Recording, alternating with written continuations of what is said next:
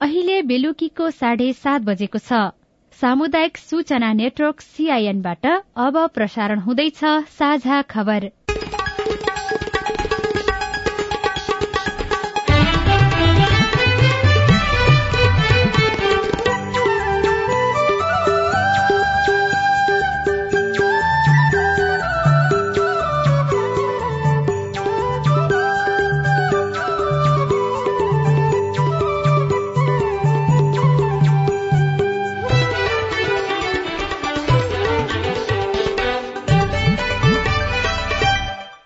सीआईएनको साझा खबरबाट दीपक आचार्यको नमस्कार। साझा खबर देशभरिका सामुदायिक radio CIN Khabar dot com र मोबाइल एप सीआईएनमा पनि सुन्न सकिन्छ।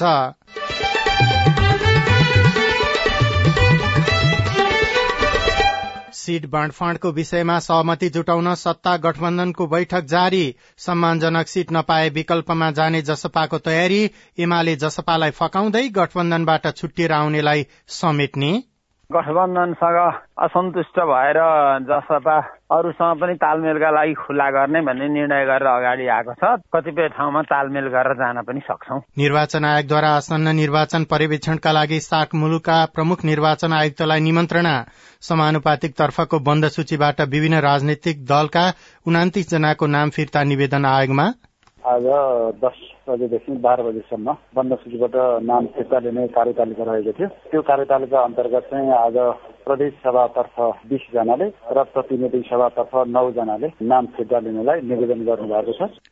काठमाडौँ उपत्यका सहित देशका विभिन्न क्षेत्रमा भारी वर्षा केही दिन देशैभरि पानी पर्ने मौसम पूर्वानुमान महाशाखाको अनुमान खेतमा धान पाकेका किसानहरू चिन्तामा धान काट्न हतार नगर्न विज्ञहरूको सुझाव। न्युजहरू सबैमा भनिरहेछ नि त होइन? त्यो पनि सुनिराख्ने गत चौबिस घन्टामा कति पर्यो अब आउने चौबिस घन्टामा कति पर्न सक्छ भनेर देखाएको हुन्छ त्यो हेरेर पनि हामीले धान काट्ने कि नकाट्ने भनेर चाहिँ निर्णय लिन सक्छौँ। र यस वर्षको मेडिसिन विधातर्फको नोबेल पुरस्कार स्विडेनका वैज्ञानिक स्वान्टी पाओलाई प्रदान गरिने।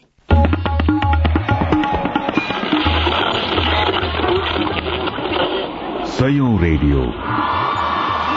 हजारौं रेडियो कर्मी र करोड़ौं नेपालीको माझमा यो हो सामुदायिक सूचना नेटवर्क सीआईएन राष्ट्र भनेको भूगोल इतिहास सभ्यता धर्म संस्कृति र त्यसको रक्षा गर्दै अभ्यास गर्ने जनता पनि हुन्। विदेशीको इशारामा दल आफ्ना जनतालाई बिर्सिएर आफ्नो सभ्यता धर्म संस्कृतिमाथि निरन्तर आक्रमण गरी आफ्नो राष्ट्रियतालाई कमजोर बनाएको भनेर प्रमुख दलहरूको आलोचना भइरहेको छ। अहिले स्वतन्त्र व्यक्ति र संस्थाहरूप्रति नागरिकको आस्था र विश्वास बढ़नुको कारण यही नै हो। दशैं जस्ता चाडपर्वले हाम्रो मौलिकता धर्म संस्कृतिको जगेर्नाका साथै राष्ट्रिय एकता र पहिचानको सन्देश समेत दिइरहेको छ यसलाई प्रमुख दलले बुझ्नुपर्दछ। अब खबर स्नेहा कर्णबाट आगामी निर्वाचनमा सीट बाँडफाँडको विषयमा सहमति जुटाउन सत्ता गठबन्धनको बैठक अहिले जारी छ। मंगिर चारमा हुने प्रतिनिधि सभा र प्रदेशसभा निर्वाचनमा सीट बाँडफाँडको विषयमा लामो समयदेखि छलफल हुँदै आए पनि सहमति जुट्न सकेको छैन। गठबन्धनमा रहेका दलहरूले सम्मानजनक सीट पाउनुपर्ने अडान राख्दै आएका कारण सहमति जुट्नमा ढिलाइ भइरहेको छ। अहिले पनि सहमति जुटाउनका लागि प्रधानमन्त्रीको सरकारी निवास बालवाटारमा गठबन्धन का शीर्ष नेताहरूको बैठक जारी रहेको जसपाका नेता मनिष कुमार सुमनले सीआईएनसँग बताउनुभयो। कुन दललाई कति सीट दिने भन्ने विषयमा कुरा नमिल्दा गठबन्धनभित्र सहमति जुट्न नसकेको उहाँको भनाइ छ। विशेष गरी जसपाले प्रतिनिधि सभामा सोह्र र प्रदेश सभामा बत्तीस सीट माग्दै आएको छ। जसपाले सम्मानजनक सीट नपाए गठबन्धनबाट बाहिरिने यसअघि नै चेतावनी दिइसकेको छ।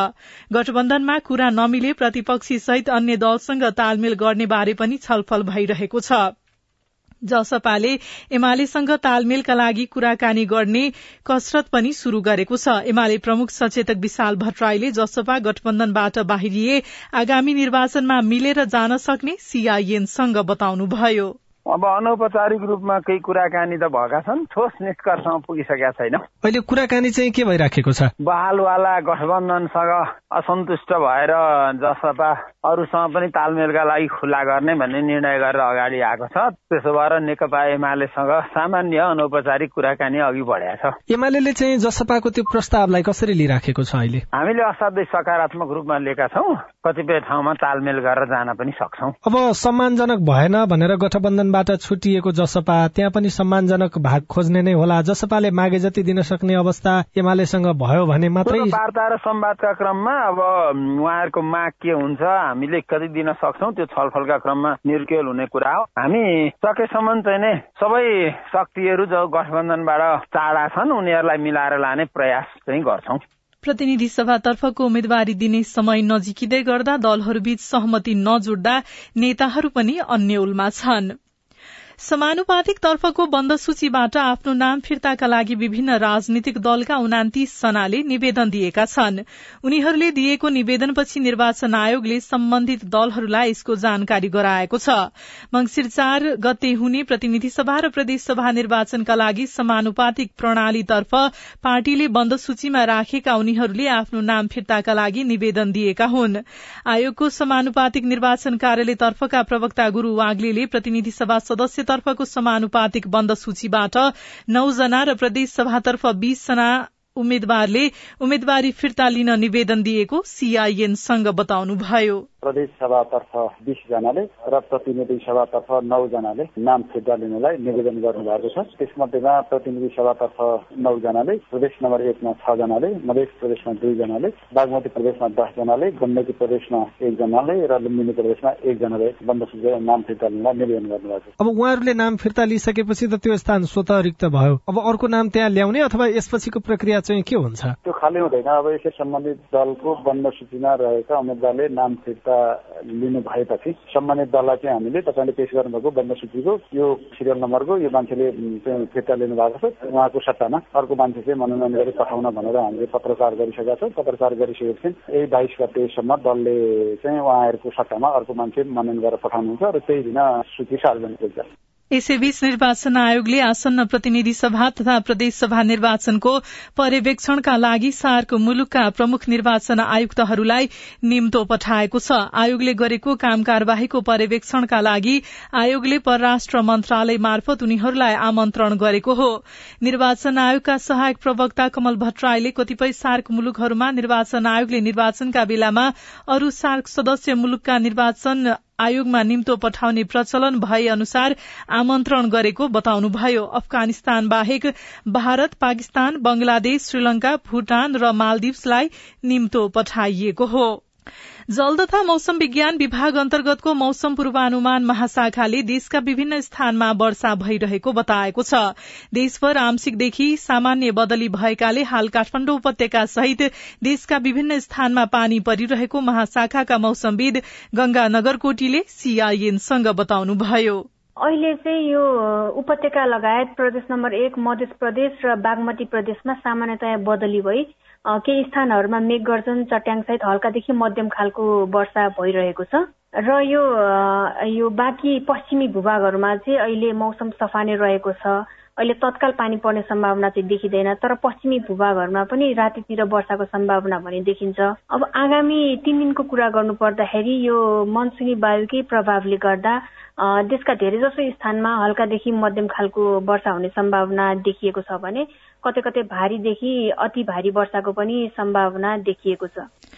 पानी पर्ने मौसम पूर्वानुमान महाशाखाको सूचनापछि किसानहरू भने चिन्तित बनेका छन्। खेतमा धान पाक्न सक्ने अवस्थामा रहेकाले कतिपय किसानहरू दशैं लगतै धान काट्ने तयारीमा छन्। तर महाशाखाले दशैं आसपासको समयमा देशैभरि पानी पर्ने जनाएपछि किसान फेरि चिन्तित भएका हुन्। किसानलाई मौसम सम्बन्धी जानकारी नहुँदा गत वर्ष कार्तिक महिनामा भएको वर्षाका कारण देशभर चार लाख चौविस हजार एक सय तेह्र मेट्रिक टन धान क्षति भएको थियो जसका कारण झण्डै बाह्र अर्ब रूपियाँ नोक्सान भएको थियो। यस वर्ष फेरि धान काट्ने समयमा वर्षाको सम्भावना देखिएको छ। यस्तो अवस्थामा धान कसरी जोगाउने?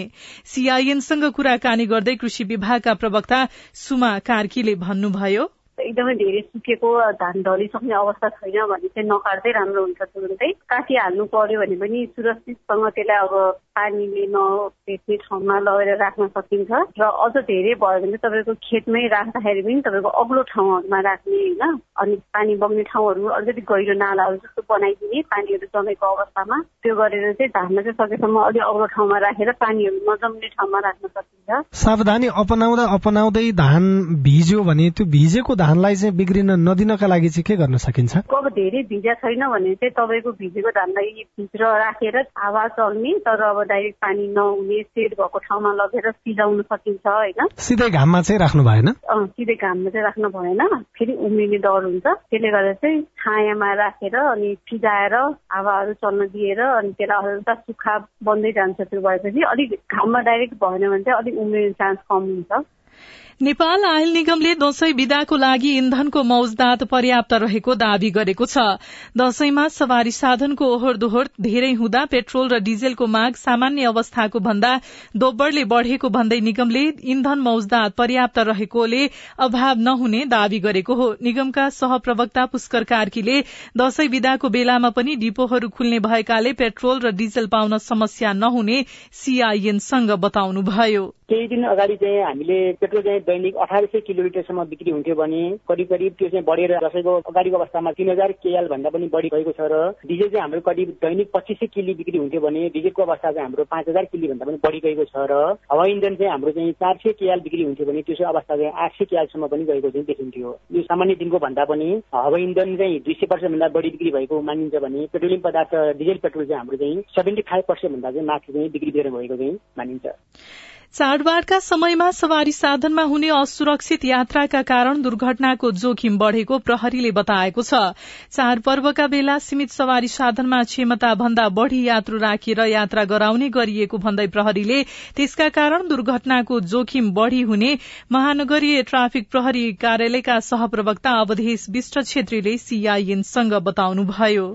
यात्रुहरूले स्पिडमा बस कसैले चलाउँछ भने नजिकको प्रहरी कार्यालयमा खबर गरिदिनु पर्यो। मापसे गरेर अथवा कुनै पनि लागु पदार्थ सेवन गरेर चलाएको अलिकति मात्र शङ्का लाग्छ भने नजिकको प्रहरी कार्यालयमा खबर गरिदिनु पर्यो स्वयंमा खबर गरिदिनु पर्यो। म सम्पूर्ण यात्रुहरूलाई यो अनुरोध गर्न चाहन्छु। त्यस्तै यातायात व्यवसायीहरूले पनि सुरक्षित र सहज तरिकाले लामो दूरीमा जाने यात्रुहरूलाई चाहिँ भिडभाड गरेर उभियाएर उहाँहरूलाई एकदम कोचेर चाहिँ यात्रा नगराइदिन हामीले भनेका पनि छौँ। बस धनीको भूमिका भनेको उहाँहरूको चाहिँ ड्राइभरहरू कस्तो अवस्थामा हुनुहुन्छ ड्राइभरहरू चेन्ज गर्ने ड्राइभरहरूको मनोभावना बुझ्ने ड्राइभरहरूलाई चलाउने बेलामा उनीहरूको अवस्था बुझ्ने चालकहरूलाई चाहिँ ब्रिफिङ गर्ने दुर्घटना रोक्नको लागि उहाँहरूको मेन भूमिका त्यो हुन्छ।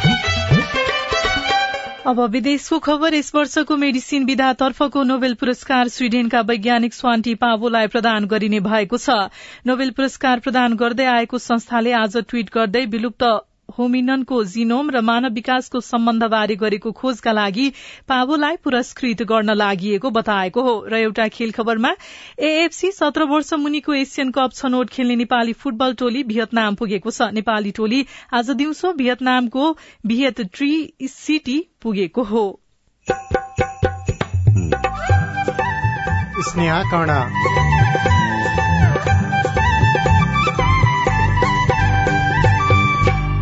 घर दैलोमा दशैं किसान भने बाली भित्राउनै व्यस्त। मकै भित्राउने त्यसपछि खेतमा रहेको झारहरू त्यसलाई उखेल्ने फाल्ने अनि धानहरू भित्राउने। चाडबाडहरू त सधैँ नै आइरहेको छ अब सिजनमा खानलाई लाएन भने त अब खान ल्याउँदैन पछि।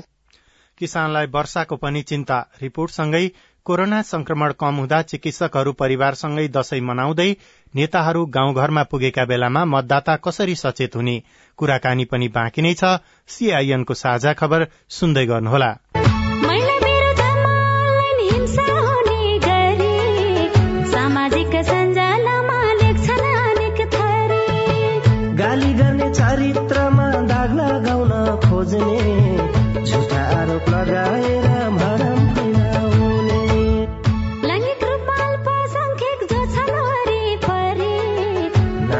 हिंसा गर्छन् होच्याउने गरी। नजिस्काउनु शरीर र यौनिकतालाई हेरी।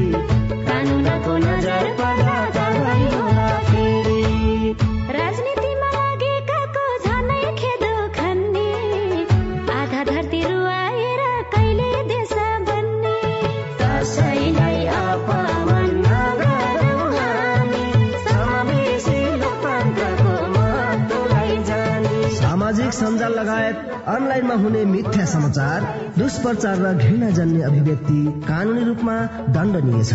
अनलाइन हिंसा नगरौं र नसहौं। युएसएआईडी र एनडिआई नेपालको आर्थिक तथा प्राविधिक सहयोगमा पर्पल फाउन्डेसनको चेतनामूलक सन्देश। सामाजिक रूपान्तरणका लागि यो हो सामुदायिक सूचना नेटवर्क सीआईएन तपाई सामुदायिक सूचना नेटवर्क सीआईएनले काठमाडौँमा तयार पारेको साझा खबर सुन्दै हुनुहुन्छ। अब बाँकी खबर। कक्षा बाह्रको ग्रेड वृद्धि पूरक परीक्षाको परीक्षा यही असोजको तीस र एकतीस गते सञ्चालन हुने भएको छ। राष्ट्रिय परीक्षा बोर्ड परीक्षा नियन्त्रण कार्यालयले आज पूरक परीक्षाको परीक्षा केन्द्र सार्वजनिक गर्दै तीस र एकतीस गते परीक्षा सञ्चालन हुने जानकारी गराएको हो। गत जेठ सोह्र गतेदेखि पच्चीस गतेसम्म सञ्चालन गरेको परीक्षामा नन ग्रेड ल्याएका विद्यार्थी नै उक्त पूरक परीक्षामा समावेश हुनेछन्। बाजुराको बुढीनन्दा नगरपालिका कोल्टीमा रहेको स्वास्थ्य केन्द्रमा औषधिको अभाव हुन थालेको छ। प्राथमिक स्वास्थ्य केन्द्र कोल्टीमा विभिन्न प्रकारका स्वास्थ्य समस्या लिएर दैनिक एक सय भन्दा बढ़ी बिरामी आउने गरे तापनि औषधि नपाएर फर्कने गरेका छन् रेडियो सिम्बुनाथ बाजुराले खबर पठाएको छ। दशैंको आज आठौं दिन सबैमा उत्साह छ। परिवारका सदस्यसँग भेट्ने र सुख दुःखका कुराहरू गर्ने चलन छ। त्यस्तै किसानहरूलाई भने पाकेको बाली भित्राउनै चटारो रहेको छ। बाली पाक्ने र थन्काउने समय भएका कारण किसानहरू काममा व्यस्त छन्। तर ठूलो पानी पर्ने सम्भावना भएका कारण सावधानी अप्नाउन पनि मौसम पूर्वानुमान महाशाखाले अनुरोध गरिरहेको छ। डडेलधुराको अजयमेरू गाउँपालिका चारका सरस्वती एरका श्रीमान भारतमा हुनुहुन्छ। आफू वृद्ध अवस्थाको हुनुहुन्छ। अर्म पर्म गरेर भए पनि दशैं अगाडि नै धान काट्ने काम सक्न पाए हुन्थ्यो जस्तो उहाँलाई लागेको छ।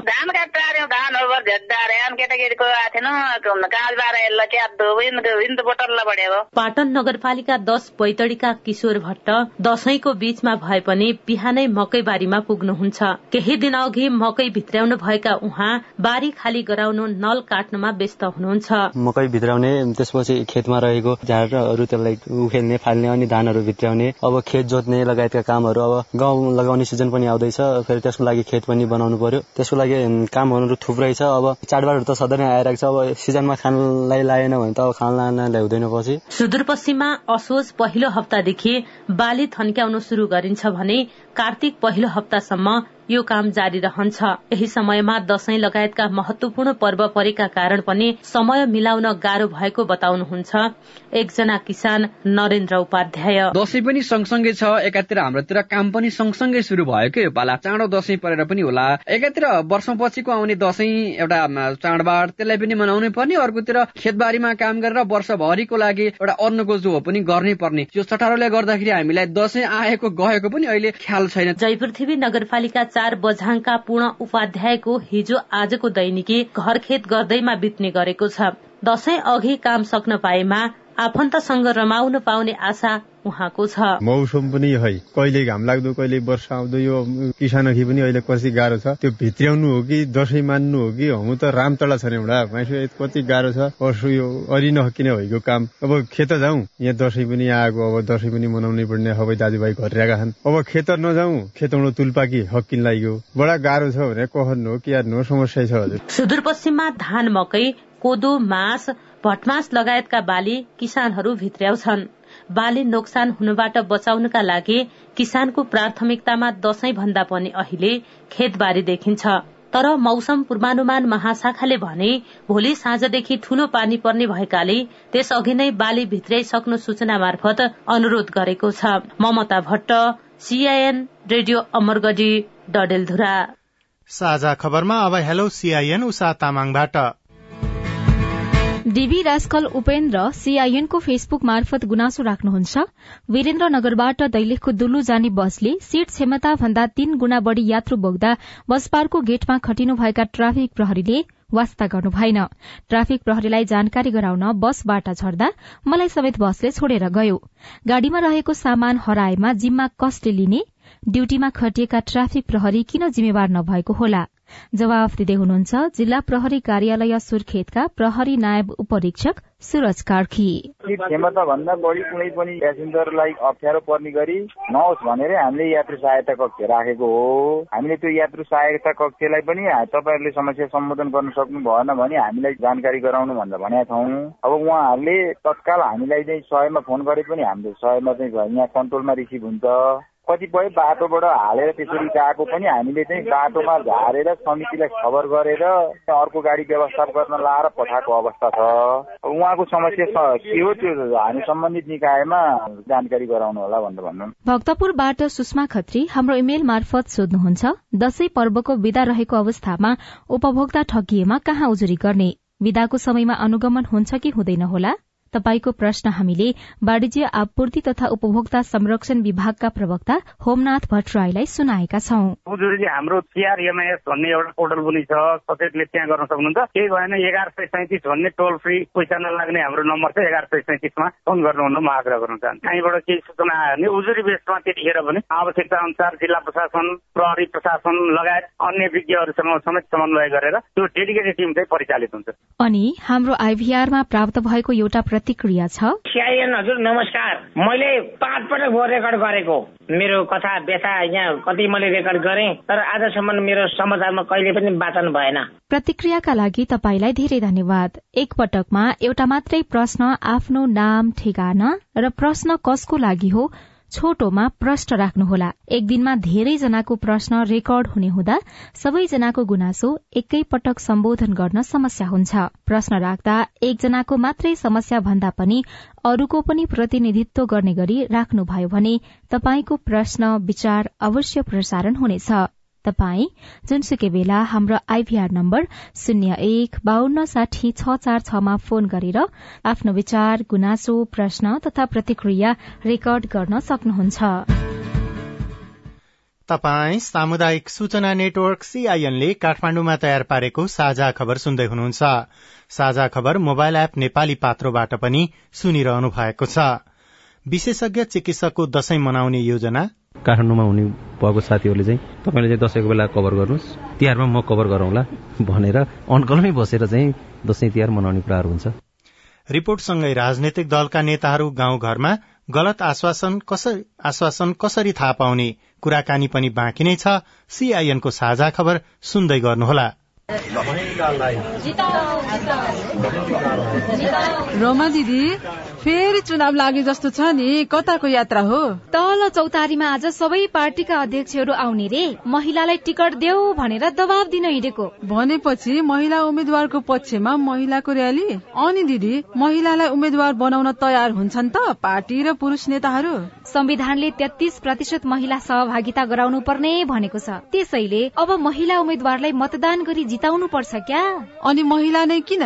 पहिलो त जनसंख्याको आधारमा हाम्रो प्रतिनिधित्व हुने कुरा लोकतन्त्रको आधार हो र हाम्रो अधिकार पनि। अर्को महिलाले जितेमा महिला र अन्य पछाडि पारिएका समुदायको मुद्दा सम्बोधन नीतिगत व्यवस्था र कार्यान्वयन प्रभावकारी हुन्छ। सुन्या होला नि जसको सवाल उसकै नेतृत्व। अनि सुन्नु त महिला उम्मेद्वार उठेपछि उनीहरूका घोषणा पत्रमा महिलाका लागि के के विषय राख्ने भन्ने बारे पनि यस्तै खबरदारी गर्नुपर्छ। घोषणा पत्रले महिलाको सवाल समेट्न सक्यो भने पो हाम्रा मुद्दा अगाडि आउँछन्। नेताहरू उत्तरदायी हुन्थे र हामी महिलाहरूलाई पनि भोट दिम दिम लाग्छ नि। महिला उम्मेद्वार उठेपछि महिलाका लागि के के कुरा चाहिन्छ भन्ने बारे त फेरि हामीले नै सुझाव दिने हो क्या? आगामी मंगिर चारको प्रतिनिधि र प्रदेश सभा निर्वाचनका लागि संविधानको व्यवस्था अनुसार महिला उम्मेद्वारलाई मतदान गरौं। महिला पुनस्थापना केन्द्र ओरेक नेम्स केयर नेपाल र सामुदायिक सूचना नेटवर्क सीआईएन सामाजिक रूपान्तरणका लागि यो हो सामुदायिक सूचना नेटवर्क सीआईएन तपाई सामुदायिक सूचना नेटवर्क सीआईएनले काठमाण्डुमा तयार पारेको साझा खबर सुन्दै हुनुहुन्छ। साझा खबरमा अब दशैं र विशेषज्ञ चिकित्सकको अनुभव। अरू पेसा व्यवसायमा लागेका व्यक्तिको दशैंको बेलामा चाहेको ठाउँमा पुग्ने र विभिन्न ठाउँ घुम्ने र रूचि अनुसारको दशैं मनाउने शैली हुन्छ। तर चिकित्सक सुरक्षाकर्मी पत्रकार अत्यावश्यकीय क्षेत्रमा काम गर्नेहरूको चाहिँ दशैं भने जस्तो हुँदैन। कोरोना संक्रमण दरमा कमी आएसँगै यसपालिको दशैं भने चिकित्सकका लागि अलि सहज भएको छ। दुई वर्षभन्दा धेरै समयको कोरोना महामारीका बेला सबभन्दा धेरै व्यस्त थिए चिकित्सक। घर परिवार भन्दा पनि बिरामीको उपचारमा खटिनु परेका कारण अधिकांशको दशैं अस्पतालको दौड़धूपमा बितेको थियो। यसपालि भने घर परिवार भेट्न फुर्सद मिलेको बताउँदै हाड जोर्नी तथा नशा रोग विशेषज्ञ डाक्टर बद्री रिजाल। काठमाडौँमा हुने भएको साथीहरूले चाहिँ तपाईँले चाहिँ दसैँको बेला कभर गर्नुहोस्। तिहारमा म कभर गरौँला भनेर अनकलमै बसेर चाहिँ दसैँ तिहार मनाउने कुराहरू हुन्छ। हुन त चिकित्सकहरू सामान्य अवस्थामा पनि जिम्मेवारीले बाँधिएका हुन्छन्। त्यसकारण पनि जहाँ रह्यो त्यही दशैं मनाउने बानी बसिसकेको हुन्छ। तीस वर्षदेखि बिरामीको सेवामा खट्दै आउनुभएका एकजना स्त्री रोग विशेषज्ञ डाक्टर सरोजा पाण्डे। सुत्केरी हुने त्यस्तो इमर्जेन्सी प्राय धेरै नै पर्ने हुन्छ स्पेसली दशैंहरूको बेलामा प्राइभेट सेक्टरहरू पनि बन्द हुने भएर हामी सरकारीमा काम गर्न अलि दबावै हुन्थ्यो होइन? भनेदेखि घरको मान्छेलाई चाडपर्व आएको बेला बुहारी मान्छे छैन भन्दा अलिकति त्यहाँ पनि धेरै एक्सक्युज माग्न पनि अप्ठ्यारो फिल हुन्थ्यो। हाल नेपालमा कोरोना संक्रमण दर घटेको छ तर डेंगी मुलुकभर नै फैलिएको छ। संक्रामक रोग विशेषज्ञको माग बढ़ेको छ तर आलो पालो गरेरै भए पनि यसपालि दशैं मनाउने विशेष योजना सुनाउँदै सरुवा रोग विशेषज्ञ डाक्टर शेरबहादुर पोन। मलाई सम्झना भए अनुसार लगभग हरेक दशैं जस्तोमा एउटा दशमी छोडेर हाम्रो अस्पताल खुल्ला हुँदाखेरि चाहिँ म जहिले पनि यहाँ काममा आएको चाहिँ मलाई याद छ। जब दशैं आउँछ मलाई डेङ्गुको मात्र याद आउँछ किनभने ठ्याक्कै यही बेलामा नै डेङ्गु फैलिन्छ। दसैँ आफ्नो चाड हो हामीले अब एउटा समयमा टिकाटालो त गर्छौँ। तर त्यो बाहेक यदि के गर्छ भनेर सोध्नुहुन्छ भने तीव्र गतिमा चाहिँ मेरो आफ्नो चाहिँ यो देखाइ पढाइ कामहरू छ त्यो झन् अझ बढाएको जस्तो लाग्छ। स्वास्थ्य तथा जनसंख्या मन्त्रालयका अनुसार कोरोना महामारी नियन्त्रण गर्न पैंतिस हजार भन्दा बढ़ी सरकारी तथा निजी चिकित्सक खटिएका थिए। यसपालिको दशैंमा चिकित्सकका लागि पनि अनुकूल भएको बताउँदै डाक्टर लोचन कार्की। बुवा आमालाई लिएर तीर्थयात्रा जाँदैछु चारधाम। अनि त्यस पछाडि तर दशैं मान्ने गरी आइपुग्छु। दिदी पनि बेलायतबाट आएको दिल्लीबाट आइसकेपछि उहाँलाई सहित नेपालमा लिएर आएर आफ्नो परिवारहरूसँग दशैं मनाउने। नेपाल मेडिकल काउन्सिलका अनुसार तीस हजार भन्दा धेरै चिकित्सक दर्ता छन्। छ हजार तीन सय पन्ध्र जना पुरूष र दुई हजार पाँच सय सत्र जना महिला गरी आठ हजार आठ सय बैसठी जना विशेषज्ञ चिकित्सक छन्। बिरामीको उपचार पहिलो प्राथमिकतामा परे पनि मिलेसम्म घर परिवारसँगै दशैं मनाउने अधिकांशको योजना छ। अविनाश आचार्य सीआईएन काठमाडौँ। चिकित्सक मात्र होइन मक्सिर चारको निर्वाचनसँगै दशैंको मौका छोपेर राजनीतिक दलका नेता तथा कार्यकर्ता गाउँ केन्द्रित हुन थालेका छन्। उनीहरू भेटघाट र शुभकामना आदान प्रदानको बहानामा मतदातासँग आश्वासन र विभिन्न प्रतिबद्धता पनि बाँड्ने गर्दछन्। नेताहरूको प्रतिबद्धता सही कि गलत भन्ने बारेमा मतदाताले चाहिँ कसरी थाहा पाउने? राजनीतिक शास्त्रका प्राध्यापक मनोहर पराजुलीसँग साथी प्रकाश चन्दले कुराकानी गर्नु भएको छ। संसदीय व्यवस्था भएको कारणले संसदले नै सरकार पनि बनाउँछ। यस अर्थमा त्यो इन्टरलिङ्क छ होइन? इन्टरलिङ्क भएको कारणले हामी सरकारमा पुगे यस्तो गर्छौँ। त्यो भन्छन् अब पत्याउने भन्ने कुरा भन्दा नि मुलुकको राष्ट्रिय अर्थतन्त्रले भ्याउँछ कि भ्याउँदैन? त्यो बुझ्ने जन्म त हामीसँग तयार त भइसकेका छैनौँ। कसैले व्यक्तिगत रूपमा गरेर भन्दा पनि नेचुरल्ली अलिकति केही चिजहरू भइराखेको। अब जनताहरूलाई त के छ भने हामी कहाँ पोलिटिक्स धेरै जसो मान्छेहरूलाई पोलिटिक्स भनेको विकाससँगै जोडिएको कुरा हो। अविकसित देश भएको कारणले। सही गलत भनेर कसरी छुट्याउने? कुन नेताले कस्तो आश्वासन दियो पूरा गर्न सक्ने आश्वासन दियो कि त्यतिकै गफै दियो भन्ने कुरा चाहिँ थाहा पाउनु पर्यो नि त? जनताले बुझ्ने कुरा के हो भने सम्बन्धित राजनैतिक दल राष्ट्रिय राजनीतिमा आउन सक्छ सक्दैन। दुई दलीय व्यवस्था भएको बेलामा यस्तो कम्पिटिसन एकदमै राम्रो हुन्छ। स्थापित राजनीतिक दलहरूले मात्रै राम्रो गर्न सक्छन् स्वतन्त्र कोही अथवा सानो दल भए पनि राम्रो गर्न सक्ने उम्मेद्वार आउँछ भने त मतदाताले त छान्न सक्छ नि त। मेयरको चुनावमा बालेनहरूको हर्क साम्पाङहरूको देखियो त्यो उनीहरू सिधै एक्जिक्युटिभ पदमा पुगे र उनीहरूले केही देखाउनु पनि थाले त्यो राम्रो छ एक किसिमको साइन छ। पार्लियामेन्टमा पनि त्यो किसिमको जनतामा बुझाइ आयो भने त नयाँ मान्छेहरू आउन सक्छन्। ठुला राजनैतिक दलहरूले बारम्बार भनिरहने डेभलपमेन्ट भनिरहने नारा दिइरहने तर नगर्ने। जुन छ त्यसलाई त ठुलो चुनौती हुन्छ। व्यक्ति हेर्ने कि पार्टी हेर्ने त मतदाताहरूले चाहिँ? मतदाता व्यक्ति पार्टी दुइटै हेर्नुपर्छ हेर्नुहोस्। यो दलीय व्यवस्थामा राजनीति शास्त्रले के भन्छ भने संगठनको तपाईँको नेटवर्कको दृष्टिकोणले नै दलहरू सत्तामा पुग्ने हुन् पार्लियामेन्टमा पार्टिकुलरली सिधै जनताको छान जनताले छान्ने डे टु डे समस्यासँग जोडिएको नगरपालिका एउटा छुट्टा कुरा हो स्थानीय निकाय। राष्ट्रिय राजनीतिमा त्यो दल सत्तामै पुग्नुपर्छ तपाईँको कुरा उठाउनलाई। अथवा ऊ दह्रो विपक्षी हुनुपर्छ कि उसले चाहिँ त्यो कुरा बारम्बार उठाइराख्न सकोस्? जसरी पनि स्थापित राजनैतिक दलले नै मत लिनुपर्ने अथवा दिनुपर्ने त्यो बाध्यात्मक स्थिति छ भन्ने हो त? त्यस्तो होइन। के भने जनताले एकैचोटि सबै किसिमको तपाईँको चाहिँ दल उठाउनु के अरे जिताउनु पनि सक्दैन छान्दाखेरिमा दुईटा कुरा एउटा राष्ट्रिय रूपमा स्थापित राजनीतिक दल र तपाईँको चाहिँ व्यक्ति हेर्ने हो। रिपिट भइराखेको एउटै व्यक्ति कङ्ग्रेसबाट होस् अथवा एमालेबाट होस् अथवा अर्को कुनै दलबाट होस् उसलाई भन्दा अर्को विपक्षी दलको एउटा कुनै चाहिँ तपाईँको चाहिँ अल्टरनेटिभ एउटा राम्रो क्यान्डिडेट आएको छ भने त्यही पनि त रोज्न सकिन्छ। अब घर घरमा पुग्ने व्यक्तिहरूले अथवा उम्मेद्वारहरूले अथवा राजनीतिक दलहरूले कस्तो भाषण गरिराखेका छ कस्तो आश्वासन गरिराखेका छ भन्ने कुराले मतदाताले राम्रो र नराम्रो असल र खराब भनेर छुट्याउन सक्छन् कि सक्दैनन्? होइन जनताहरू बुझ्न सक्दैनन् भन्ने होइन जनताहरू धेरै हदमा बुझ्न सक्छन्। अब हामीहरूको राजनीति हिजो अलिकति जातीय अथवा भेगीय खालको एक किसिमको राजनीति हाम्रो दस पन्ध्र वर्षको बिचको राजनीति त्यस्तोमा बित्यो नि त। त्यो फिलिङबाट बिस्तारै मान्छेहरू मुक्त हुँदैछन्। आगामी निर्वाचनका लागि सीट बाँडफाँडको विषयमा सहमति जुटाउन आज बसेको सत्ता गठबन्धनको बैठक निष्कर्षविहीन भएको छ। गठबन्धनबाट छुटिएर आउनेलाई समेट्ने एमाले तयारी गरेको छ। काठमाडौँ उपत्यका सहित देशका विभिन्न क्षेत्रमा भारी वर्षा भएको छ र यस वर्षको मेडिसिन विधातर्फको नोबेल पुरस्कार स्वीडेनका वैज्ञानिक स्वान्टी पावले पाउने भएका छन्। हवस् आजलाई साझा खबरको समय सकियो। प्राविधिक साथी सुरेन्द्र सिंहलाई धन्यवाद। भोलि असोज अठार गते बिहान छ बजेको साझा खबरमा फेरि भेटौँला। अहिलेलाई भने म दीपक आचार्य पनि विदा हुन्छु। नमस्कार शुभरात्री।